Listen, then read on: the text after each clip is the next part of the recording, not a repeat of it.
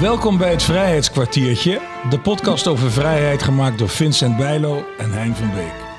Praten over vrijheid is in een tijd waarin die vrijheid van veel kanten onder druk staat, heel erg belangrijk. Dat doen we in ongeveer 40 afleveringen van een kwartier met allerlei soorten mensen. Kunstenaars, wetenschappers, veteranen, journalisten, tentoonstellingsmakers, militairen. Allemaal vertellen ze verhalen van vrijheid om ze door te geven en het belang ervan onder de aandacht te brengen.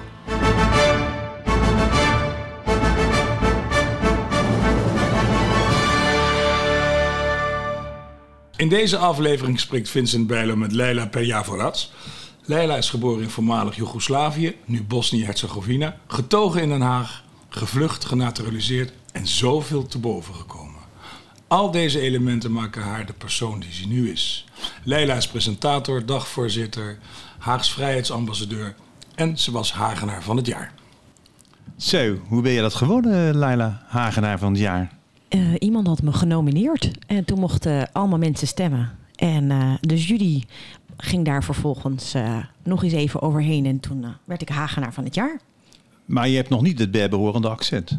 Nee, dat niet. Ik denk maar ook, heb je daar wel op geoefend of niet? Uh, ja, daarom is het ook Hagenaar en niet Hagenees, denk ik. Oh ja, nee, natuurlijk. Ja, dat, dat, is ook zo. Het is trouwens een geweldige dialect, toch? Ja, zeker. Heel mooi. Leila, heb jij her veel herinneringen aan voor de oorlog in Joegoslavië? Zeker, heel veel. Uh, ik herinner me aan Bosnië en Joegoslavië in die tijd heel veel samen zijn. Met allemaal mensen van verschillende achtergronden, met mijn familie, met vrienden. En um, gewoon heel veel liefde. Ja. Nooit het gevoel dat je anders was of bijzonder. Of gewoon heel veel werd er gedeeld en samen gedaan. Kwam de oorlog voor jou als donderslag? Bij helder hemel zeker weten. Ja, ja, dat was voor, zeker voor mijn volk iets totaal onverwachts. Dat van een op de andere dag je beste vrienden je vijand werden. Je klasgenoten in één keer een andere nationaliteit, etnische groep hadden en een ander geloof. En dat dat van de een op de andere dag ook meetelde in hoe je behandeld werd.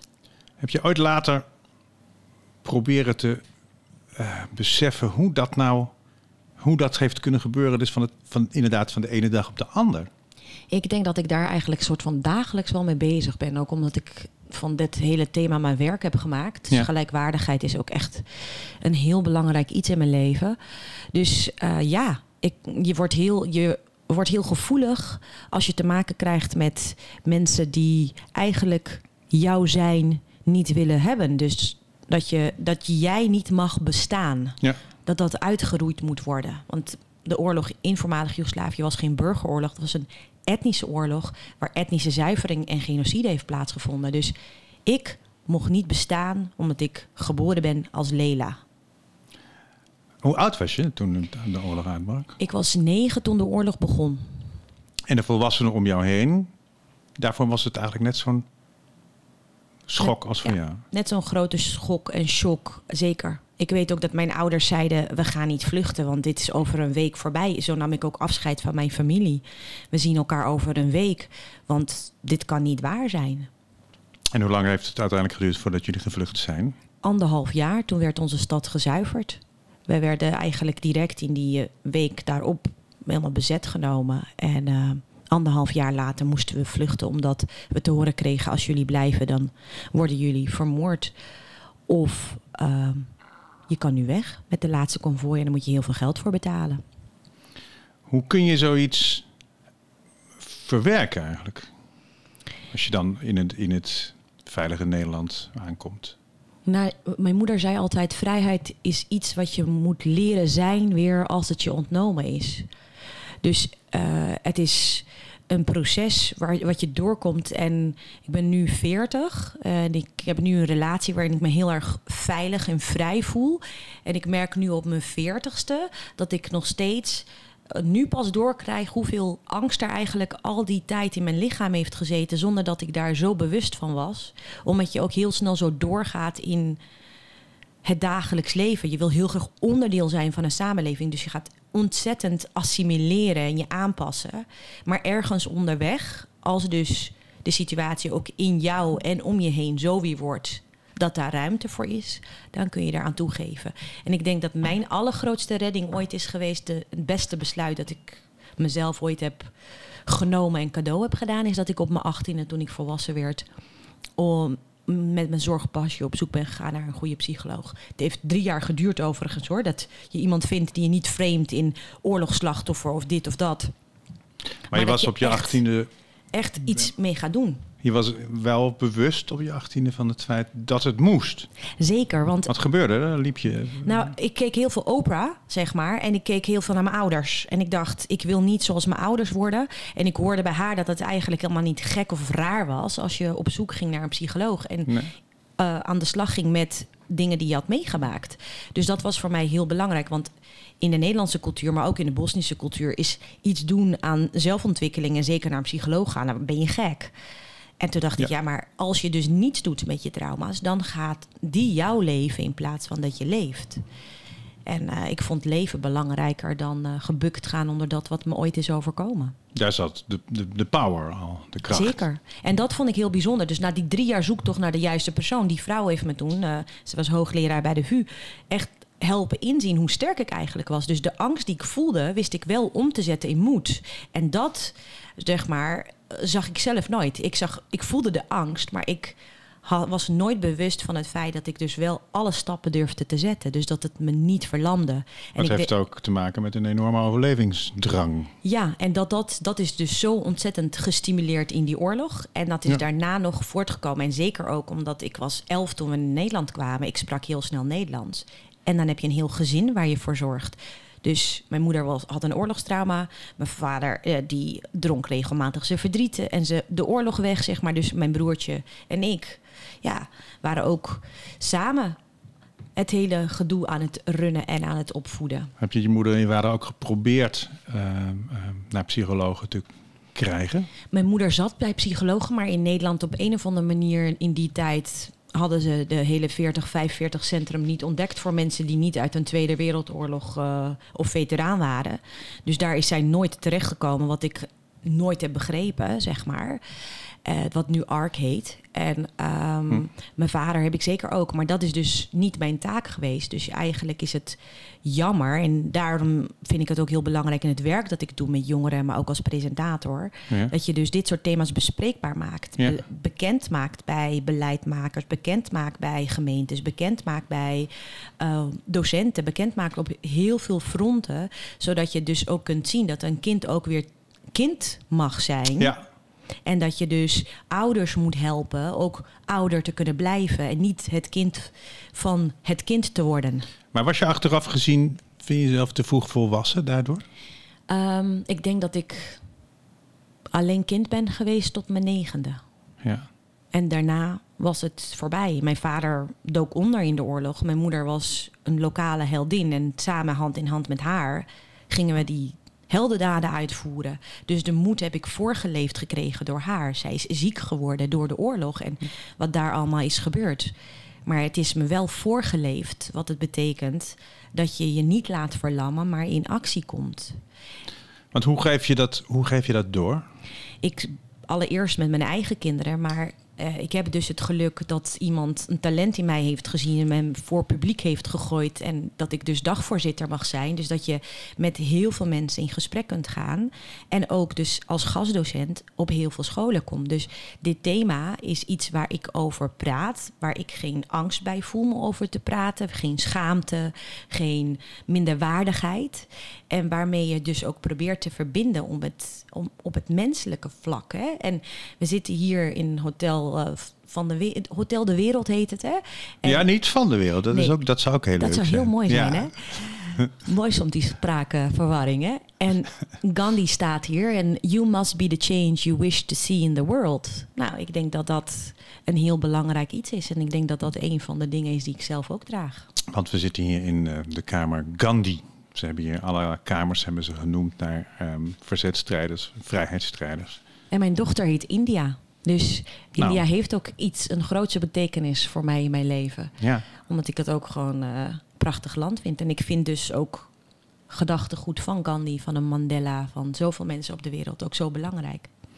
En je geeft dat, je geeft dat door, dus door, door, door, door het spreken. Je, je geeft ook ehm, dat in Slot Loefstein, waar wij ook een aantal podcasts eh, gaan opnemen, geef je ook ehm, een kindercollege, hoe noem je het? Ja, een kindercollege, kinderlezing. En ik ga dat met volwassenen ook doen. Het is in het kader van Amnesty inderdaad. Ja. Uh, International. Uh, ja, ik vind het gewoon ontzettend belangrijk om met dit thema op uh, elk niveau met elkaar in gesprek te gaan. En dat kan heel goed met wie dan ook. Maar hoe doe je dat met, met de kinderen? Vertel je dan. Ik vertel verhalen, alleen dan iets minder heftig. En ik uh, ja. ben ook te zien in het Klokhuis en bij Maduro Dam in filmpjes, educatiefilmpjes op heel veel plekken in het jeugdjournaal. En met kinderen kun je juist heel veel praten. Ze zijn zo open en ontvankelijk en zo nieuwsgierig. Je dat we in Nederland slordig met onze vrijheid omgaan? Ja, ik denk dat je al niet bewust bent van het feit dat je mag nadenken. Dat is al een gigantische vrijheid. Mm -hmm. Laat staan, zeg maar, al het andere wat je hier hebt. Ik denk dat omdat je zoveel generaties hebt die opgegroeid zijn en groot zijn gebracht in vrijheid, dat het echt zo vanzelfsprekend voelt. Uh, dat terwijl, is ook niet te verwijten. Dus. Nee, zeker niet. Maar het is iets wat je al 80 jaar bijna hier kent. Maar ja. waar heb je het over als je praat over 80 jaar? Dat zijn niet eeuwen waarin we met elkaar in vrijheid hebben geleefd. Dus zo vanzelfsprekend en is het helemaal niet. Nee, zeker niet. En maar zie je het ook, zie je het de laatste jaren uh, veranderen? Jazeker, je ziet echt een, uh, uh, dat de nuance verdwijnt.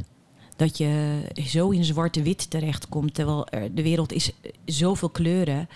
En ik denk dat dat heel, heel essentieel is. En daarom bedoel ik ook, je hebt ook de vrijheid van nadenken. Dat betekent dus dat je, je hebt zoveel kennis en kunde dat je kunt verzamelen. Je hebt zoveel mensen waar je in vrijheid mee van, van gedachten kunt wisselen. Er is zoveel mogelijk om jezelf te verrijken. En mensen kiezen er dan alsnog voor om in heel zwart-wit naar dingen te kijken. Het is een rare paradox, omdat deze tijd staat ook bekend als zijnde een tijd die heel erg uh, streeft naar inclusiviteit. Ja, en dat is. En naar, naar, juist naar gelijkwaardig. Is dat, een, is dat een reactie op die toenemende onvrijheid, of is dat iets wat naast elkaar bestaat? Ik denk dat het naast elkaar bestaat. Um, alleen dat heel veel mensen eigenlijk niet bewust zijn hoeveel vrijheid je eigenlijk hebt. Omdat het um, zo aan je cadeau is ge gedaan door het feit waar je wieg staat. Mm -hmm. En je hebt er niet een strijd voor hoeven leveren. Ik weet dat ze in Bosnië altijd zeiden: leven is een strijd. Nou ja, is best heftig. Maar um, ik vind het ook zo belangrijk om dat mensen gaan reizen. Dat je jezelf verrijkt met een breder blik op de wereld dan alleen maar dat wat je gewend bent. En als je op de reis gaat, dat je niet in een all-inclusive zit. Maar dat je echt onderdompelt in de omgeving waar je zit. Zodat je heel goed kunt ervaren dat er A. op heel veel delen van de wereld prachtig gewoond wordt met veel minder en veel minder makkelijk. En ga zo maar door. Dus dat het niet één beter is dan het ander. Ja. Maar wel dat het je kan verrijken in de blik van jeetje, maar wat hebben we het eigenlijk ongelooflijk goed met elkaar hier. En daarvoor blijf je uh, altijd maar de verhalen doorgeven. En heb jij nog een vraag? Ja, je had het uh, over ARK. Centrum ja. Daar gaan wij ook naartoe. Althans, ze komen hier naartoe. Hou je daar ook lezingen? Ja. Om de mensen te sterken daar. Want dat is natuurlijk wel het centrum voor... Ja, leg even uit wat het is. psychotraumaklachten. Ja. ja. Dus het is voor iedereen die inderdaad te maken heeft gehad met een enorme trauma. En vaak is dat met oorlog of uh, ook een van de thema's. ARK ben ik uh, regelmatig presentator voor, dagvoorzitter voor hun evenementen. En inderdaad doe wel vaker ook dingen met hen.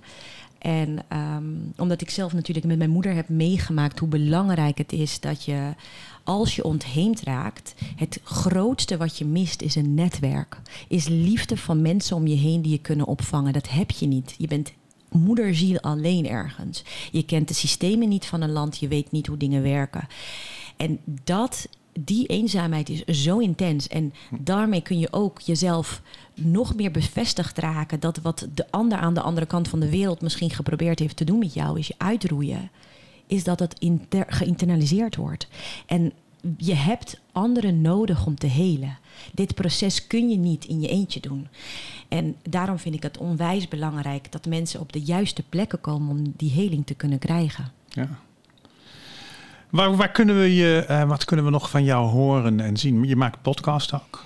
Ik maak podcasts, ik uh, maak programma's. Uh, ja, um, ik, ik, van alles. Er is zoveel moois. En dat vind ik dus ook zo'n prachtige vrijheid en rijkdom in Nederland. Allemaal via Leila. Gewoon leila.nl, zo simpel. Maar dan Leila met EI. Ja. Juist. Dankjewel, Leila. Nou, jullie ook. Dit was het uh, Vrijheidskwartiertje, gemaakt door Hein van Beek en Vincent Bijlo. Muziek, Kilian van Rooij. Deze podcast is mede mogelijk gemaakt door een bijdrage van het V-Fonds, Stichting Nationaal Fonds voor Vrede, Vrijheid en Veteranenzorg, de provincie Gelderland, Stichting Vrienden van Boei, Stichting Nationaal Erfgoed Hotel de Wereld en Hotel de Wereld zelf. Mocht je dit een interessante podcast vinden, deel hem vooral, geef reviews en geef sterren. En alle info tref je aan op vrijheidskwartier.nl.